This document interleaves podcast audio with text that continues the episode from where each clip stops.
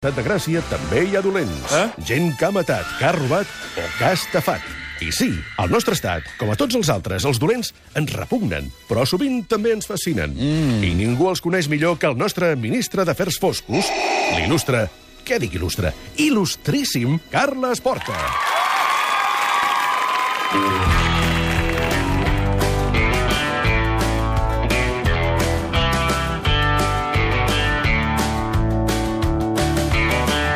Passar la frontera el maleter d'un Mercedes verd i atrotinat. La primera... Continuem amb les històries de mitja tarda. Bona tarda, Carles Porta, com estàs? Hola, president. Bé, Tenim ganes de saber més coses del que hem anomenat nosaltres el crim de Bangkok. Ja ho sabeu, l'any 2016, un dels crims que va sacsejar tot Catalunya i especialment la zona de Lleida.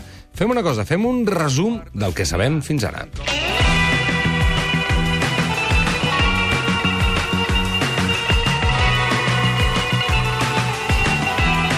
El cap de setmana del 30 i 31 de gener de 2016, el riu que travessa la capital de Tailàndia s'hi troba un cadàver esquarterat. Quatre dies més tard és identificat és en David Bernat, un consultor informàtic lleidatà que vivia entre Bangkok i Teheran. El cas desperta un gran nerviosisme entre la comunitat estrangera a Tailàndia i sobre la policia recau una gran pressió mediàtica i internacional. En investigant la vida de David Bernat, què descobreixen? Doncs descobreixen que una persona del seu entorn tailandès, amb qui sortia de festa sovint, va desaparèixer al mateix temps que ell. A més, tenen imatges d'aquesta persona traient diners dels comptes corrents del mort. Aquest segon desaparegut és un altre català, Artur Sagarra. Al cap d'uns dies, uns turistes el reconeixen en una cafeteria de Cambodja i el denuncien a la policia. Segons els investigadors, aquest crim l'han perpetrat més de dues persones i un màxim de 10.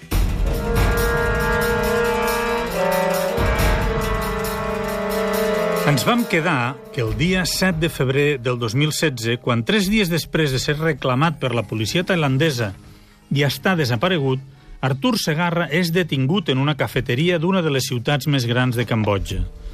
Era la persona més buscada de tot el sud-est asiàtic i la policia cambodjana l'exhibeix com un trofeu.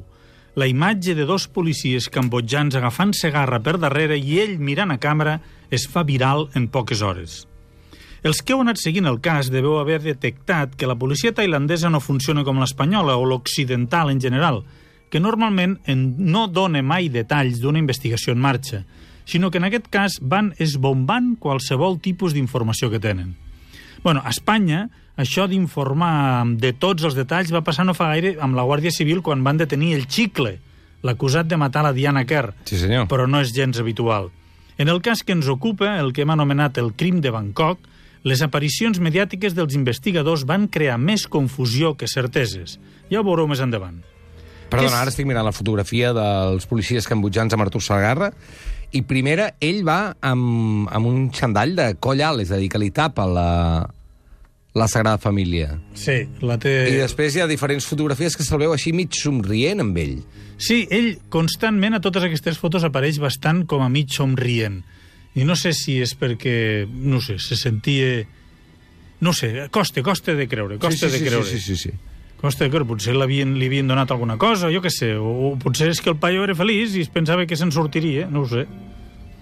Però bueno, què sabem fins a aquest moment? Ets ràpid per això, buscant, eh, punyetero, molt bé. No, és que veig que en una de les fotografies també ensenya la mà on hi té escrit Lucas 23-34, que és un passatge de Deu la ser un Bíblia. passatge, sí, sí, sí. sí. Bueno, mira, seguim, seguim. Tenia tatuatges per tot arreu, aquest home. Sí, per sí, això... ara ho veig, ara ho veig. Per això eh, va aixecar sospites, perquè es va voler amagar tots els tatuatges i a Cambodja foté una calor amb una humitat impressionant i anava tan tapat que va aixecar sospites. Clar. En fi, què sabem fins a aquest moment? Que David Bernat va desaparèixer després del 20 de gener i el seu cos va començar a aparèixer 10 dies després, el dia 30, al riu Chao Phraya. Dic va començar perquè unes parts del cos van ser trobades el 30 i unes altres el 31. Què més sabem? Que l'autòpsia diu que durant aquell període de temps va ser torturat, asfixiat, mort i esquarterat. Uf. Em guardo un detall de l'autòpsia per més endavant. També sabem que durant aquells dies es va transferir gran part dels estalvis de David Bernat a diferents comptes bancaris a nom d'Artur Segarra. Una última cosa, segons la policia, per la brutalitat exercida en el crim i per tot el modus operandi, allò ho han d'haver fet més de dues persones. Uh -huh. Arriben a dir que menys de 10. Aquesta és una expressió peculiar i gens científica, però dita per un dels investigadors hem d'entendre que es parla d'un grup, un grup de persones relativament important.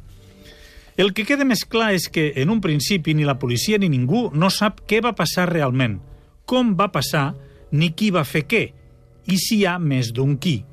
El més complicat... Ara, ara m'he semblat Rajoy. El més complicat en totes les investigacions és el procés que vindrà durant els propers mesos, on caldrà demostrar què ha passat i fer-ho amb proves físiques, no només amb suposicions. Ara mateix, l'única persona que podria respondre tots els interrogants està tancada en una comissaria de Cambodja. El dia que va ser detingut, Artur Segarra va passar la nit a la comissaria de Sihanoukville i al matí següent, abans de ser entregat a les autoritats tailandeses, va concedir una entrevista. Només una. I va ser a Joaquín Campos, aquell periodista i propietari del bar Quitapenas de Cambodja, on uns mesos abans Segarra havia anat per demanar-li consell sobre com comprar un passaport fals i desaparèixer del mapa. Campos va ser l'única persona que el va entrevistar abans que el jutgessin, i no va ser perquè se saltés unes grans mesures de, seg de seguretat, uh -huh. sinó perquè era a prop i va ser l'únic que va anar a la comissaria de Sihanoukville. El mateix Campos es va sorprendre de l'enorme facilitat amb què va accedir al presoner i explica que en algun moment, si Segarra hagués volgut, s'hauria pogut escapar sense gaires dificultats. Però no ho va fer. El cas és que li va fer una entrevista i li va preguntar el més obvi. Escoltem Joaquín Campos. Él decía que no había hecho nada, que él no había matado a nadie, y yo le decía, bueno, vamos a ver, pero no, ¿cómo no has matado a alguien si estás huyendo y tienes el dinero en tu cuenta? Eso no es verdad, yo no he matado a nadie, eh, han sido los otros. Esto era lo que iba diciendo continuamente, nada más. Pero yo le dije, vamos a ver, también me contaste que ibas a dar un palo y que era diferente a los palos que, que habías dado en España, bancarias y, y, todo esto, concesiones de coches. Y, ah, ya, pero no tiene nada que ver.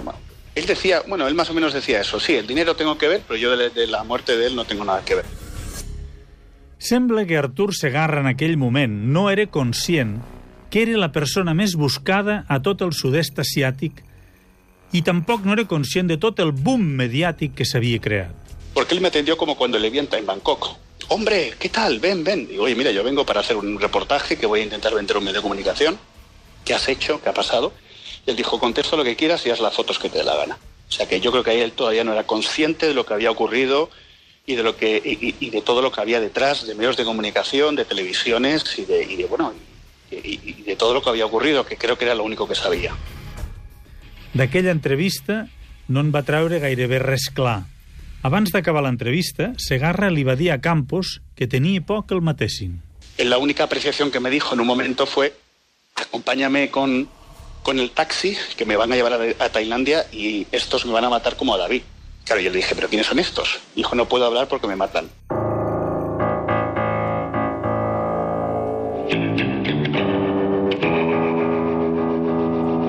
Aquestes afirmacions del tipus no puedo hablar porque me matan són terribles perquè generen una boira de misteri que no s'acaba d'esvair mai. En fi, ja mirarem de saber si hi ha algun otros.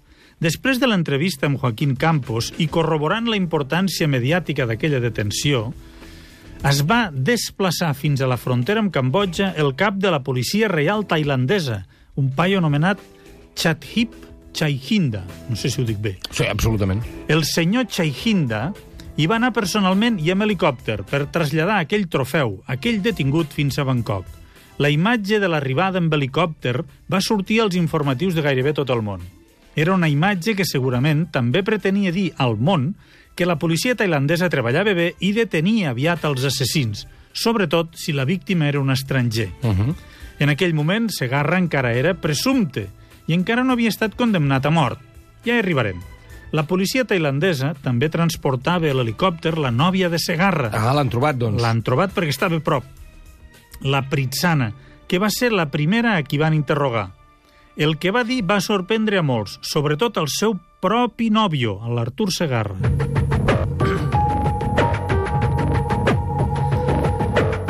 La Pritzana Seanubon va explicar que treballava com a prostituta i que feia uns mesos que era nòvia d'Artur Segarra. Segons la premsa local tailandesa, la Pritsana va explicar que ella i l'Artur es van conèixer en una festa al febrer del 2015 i al desembre ella se'n va anar a viure amb ell a un edifici conegut com a Condominium Rama Nou. Els condominis són grans blocs d'apartaments, enormes. No parlem de mides europees, sinó asiàtiques. Tot el que aquí és gran, allà és ridícul. Recordeu l'acudit que explicava d'en Jordi Pujol anant de visita a la Xina? Aviam. Quan, quan ell de... Escolti, nosaltres som 6 milions. Ah! Uh -huh. I el xinès li preguntava, i en quin hotel s'estan? Que és burro, val, val, val. val. Doncs això, un condomini pot tenir centenars i centenars d'apartaments. La Pritsana i l'Artur van viure junts un parell de mesos tranquils. Però a finals d'any, l'Artur Segarra li va demanar una cosa, que en aquell moment no cridava l'atenció de la Pritsana. Segarra li va demanar que els dies 17 al 24 de gener marxés de l'apartament. Atenció. I el deixés sol. La noia va ser molt precisa en les dates quan declarava davant de la policia. Va dir del 17 al 24 de gener has d'anar a viure a un altre lloc. Per què? L'excusa va ser que un amic seu, un amic del Segarra, de fora, estranger, el venia a visitar aquells dies i ella no es podia quedar perquè tots tres no cabien a l'apartament. Recordem que David Bernat va desaparèixer el dia 19 a la nit, segons la informació que tenim fins ara. Tot i així, Artur Segarra la va deixar tornar el dia 23, però li va dir molt seriosament que ell se n'havia d'anar a acabar una feina molt important i que no el molestés i que ni li truqués per telèfon. Perdona, el David va desaparèixer el 19. Sí. I ell demanava que no hi hagués ningú a l'apartament del 17 al 24. Sí. D'acord. Ara hi anirem. Aquí no s'acaben les coincidències temporals amb la mort de Bernat, segons consta la declaració de la seva nòvia Pritsana. La declaració va quedar per escrit i quadrava força bé amb el relat temporal que, d'alguna manera, necessitava la policia tailandesa. També pot ser, evidentment, que fos la veritat. Segons la declaració de la noia, Segarra va llogar un altre apartament en una altra zona de la ciutat coneguda com a... A veure, aquest nom és complicat. Sí. Eh? Ramkhanhaen, Sí, perfecte. on la va portar el 30 de gener. Si seguim el calendari, aquest dia es van trobar les primeres restes del cos de David Bernat al riu Chao Phraya. Uh -huh. Però encara n'hi ha més. La Pritsana va dir que en aquest apartament hi havia un congelador gran, Ostres. d'aquells de bar, Ostres. i que Segarra no li va deixar obrir. Ostres. I també hi havia, atenció, un munt de ganivets que no els hi va deixar tocar.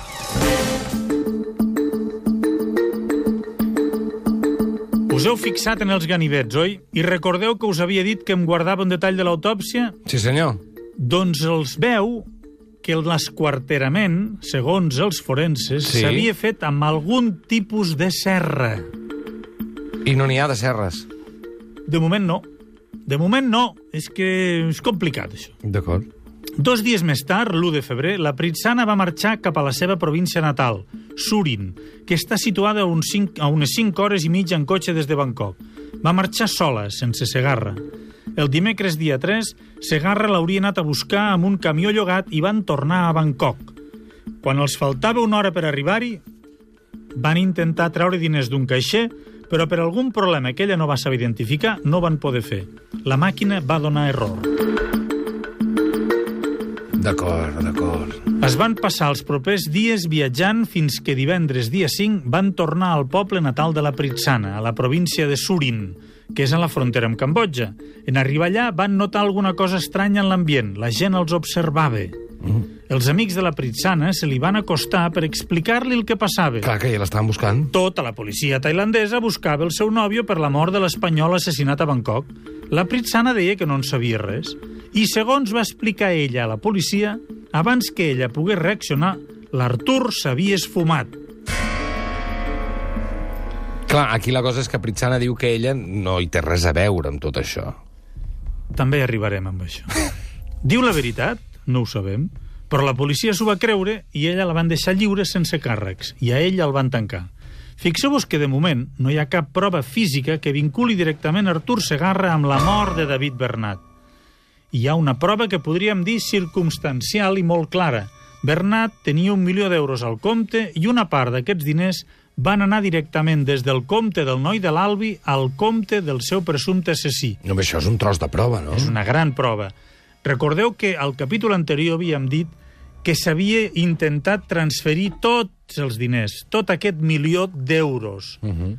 Van arribar, ho sabrem la setmana que ve, la declaració de la nòvia tailandesa fa sospitar molt de Segarra per les coincidències temporals que hi ha entre la desaparició de David Bernat, els apartaments de Segarra, la nevera gran, els ganivets... Però hi ha alguna prova que David Bernat hagués estat als apartaments de Segarra? La setmana que ve reconstruirem no. què va passar entre els dies 19 i 30 de gener. És a dir, entre l'última vegada que es va veure el David en vida Sí. i el dia que va aparèixer mort. Veurem les proves físiques que existeixen i alguna cosa més. Continuem la setmana que ve.